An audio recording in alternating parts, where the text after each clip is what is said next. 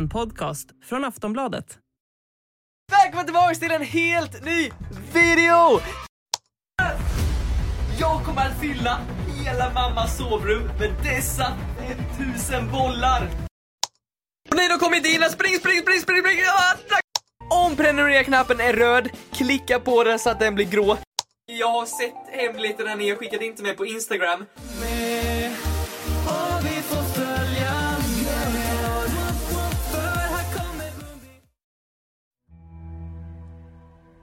Ja, här hörde ni ett urval av Pontus Rasmusson. En av Sveriges allra största YouTubers. Faktiskt den femte största år 2021. Slår man samman alla hans följare på Instagram, TikTok och Youtube så är det runt 575 000 stycken. Han är ganska så stor med andra ord och de flesta tonåringar och barn vet nog vem han är. Men Pontus Rasmusson är i blåsväder. Ända sedan han slog igenom så har han kritiserats för att göra innehåll som är opassande för barn. Och nu har hans största Youtube-kanal stängts ner med motiveringen att den bryter mot Youtubes barnsäkerhetspolicy som förbjuder innehåll som sexualiserar minderåriga. Vid nedstängningen hade kontot 177 000 prenumeranter och 89,5 miljoner visningar. Men vem är Pontus Rasmusson egentligen? Vad är det för opassande innehåll som han stängts av för? Finns det annat tveksamt innehåll kvar på de kanaler som han fortfarande får ha kvar? Och på vilket sätt har han kanske även gjort sig skyldig till bedrägeri? Idag i Aftonbladet Daily har vi med oss Alice Aveshagen, undersökande reporter på Svenska Dagbladet som har granskat Pontus Rasmusson.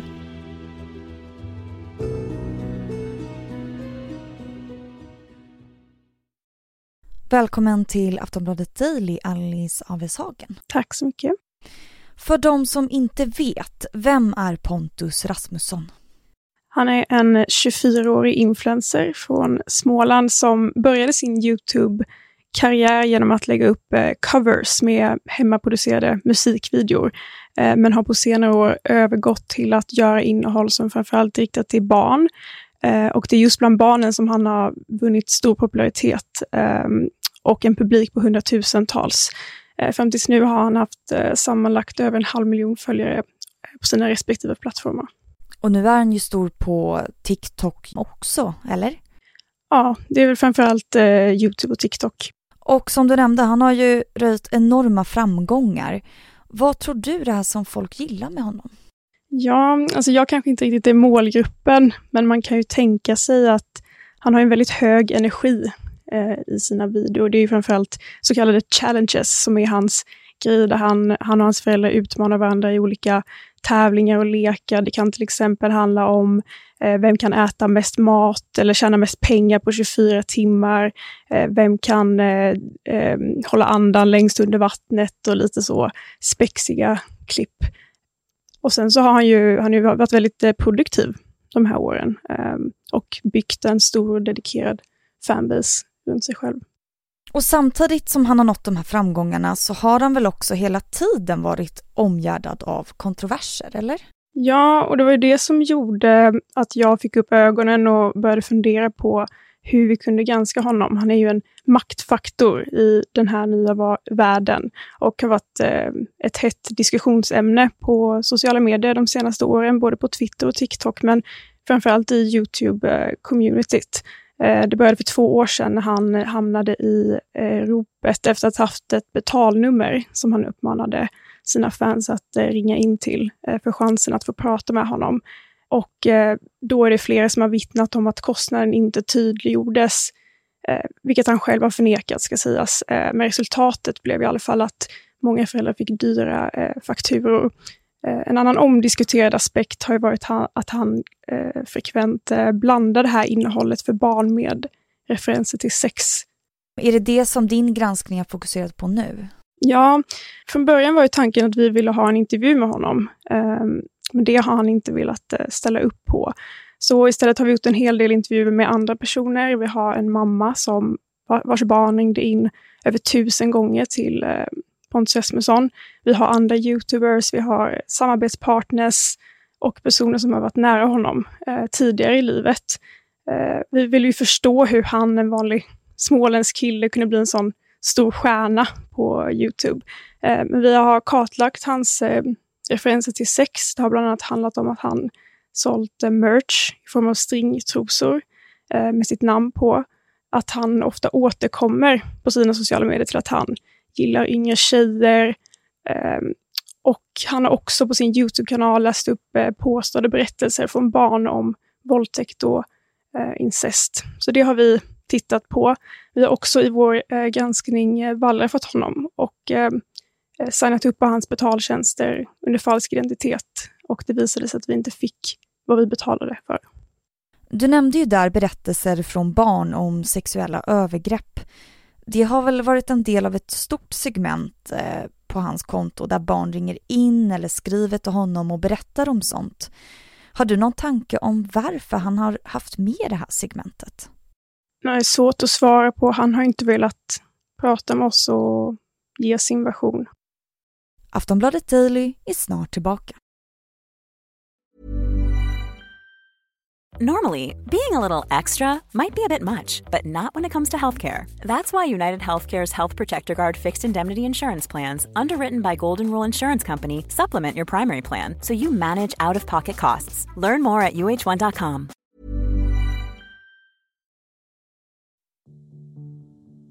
Pontus Rasmusson är inte helt ensam med sina kanaler. Frekvent förekommande är hans föräldrar som också är med och gör challenges, alltså utmaningar, och olika pranks på varandra. Mamman har också ett eget TikTok-konto där hon har nästan 50 000 följare. Men vad vet man om föräldrarna egentligen? Vi hör Alice Aveshagen igen. De är ju framförallt med i challenge-videorna. Vi eh, har ju försökt få grepp om vilken eh, roll de har i hans verksamhet i och med att de är så frekvent förekommande. Um, vad vi vet är att de inte är formellt involverade i bolaget och han har en enskild firma och inget aktiebolag. Uh, och vi har ju sökt också dem och de har inte velat ställa upp på intervju. Och har han själv reagerat på den här granskningen på något sätt? Han har inte hört av sig till oss. Han har ju gjort ett svar på sina, sitt Instagramkonto eh, på det faktum att Youtube nu har beslutat att ta ner kanalen. Men ingen reaktion på vår granskning. Så. Vad sa han i det svaret då? Han sa att eh, bland annat att alla gör misstag och att han kommer kämpa för att få tillbaka kanalen. Och även om han är kontroversiell på de här kanalerna och får mycket kritik så har han ju många fans och följare. Eh, hur har de reagerat? Ja, vi har inte fått så många reaktioner direkt till oss från hans fans. Kanske inte många av dem kanske inte läser SvD. Eh, däremot så har jag sett att de skriver i kommentarsfältet på hans TikTok bland annat undrar vad som hände med kanalen och det har ju han gett sitt svar på. Finns det fans som stöttar honom i det här, som är på hans sida så att säga? Eh, ja, enligt eh, hans Instagram så får han det. Ja. Och han har ju fortfarande kvar andra kanaler, bland annat ett mindre Youtube-konto. Vad händer med dem, där han fortfarande är aktiv, de kanalerna? Ja, precis. Han har en mindre Youtube-kanal och den är enligt Youtube just nu under granskning. Ehm, så vad deras bedömningar blir gällande den, det återstår att se. Eh, vi söker också TikTok för en eh, kommentar om hur de ser på det. Känner du till fler konton som också har liknande opassande innehåll som Pontus Rasmusson, som är igång och är stora? Enligt experter som vi har pratat med så kan du bygga närhet till följaren. Att till exempel prata om sex. Eh, och det är många barn och unga som tycker att det är, är spännande. Eh, så, och sen har Youtube är ju ett förhållandevis nytt fenomen. Så det kan ju vara så att myndigheter och lagstiftning inte riktigt har hängt med i svängarna. Och hur löd motivationen från Youtubes håll när de stängde ner det här kontot? Youtube motiverade avstängningen med att eh, det är förbjudet eh, med innehåll som sexualiserar minderåriga. Så det är deras bedömning. Och vad tror du kommer hända framöver med det här då? Framöver så kommer ju vi fokusera på att titta på plattformarna. Hur ser deras rutiner ut? Vad har de för ansvar? Det är väldigt eh, intressant och och eh, som jag tidigare sagt så söker vi fortfarande Pontus Rasmusson för en intervju. Då säger jag tack så mycket Alice Aveshagen för att du gästade Aftonbladet Daily. Tack så mycket. Du har hört Aftonbladet Daily med Alice Aveshagen, undersökande reporter på Svenska Dagbladet. Som hon berättade så har hon sökt Pontus Rasmusson för sin granskning men utan resultat. Även Aftonbladet har sökt honom men har inte heller fått något svar. Jag heter Vilma Ljunggren och tack för att du har lyssnat så hörs vi snart igen.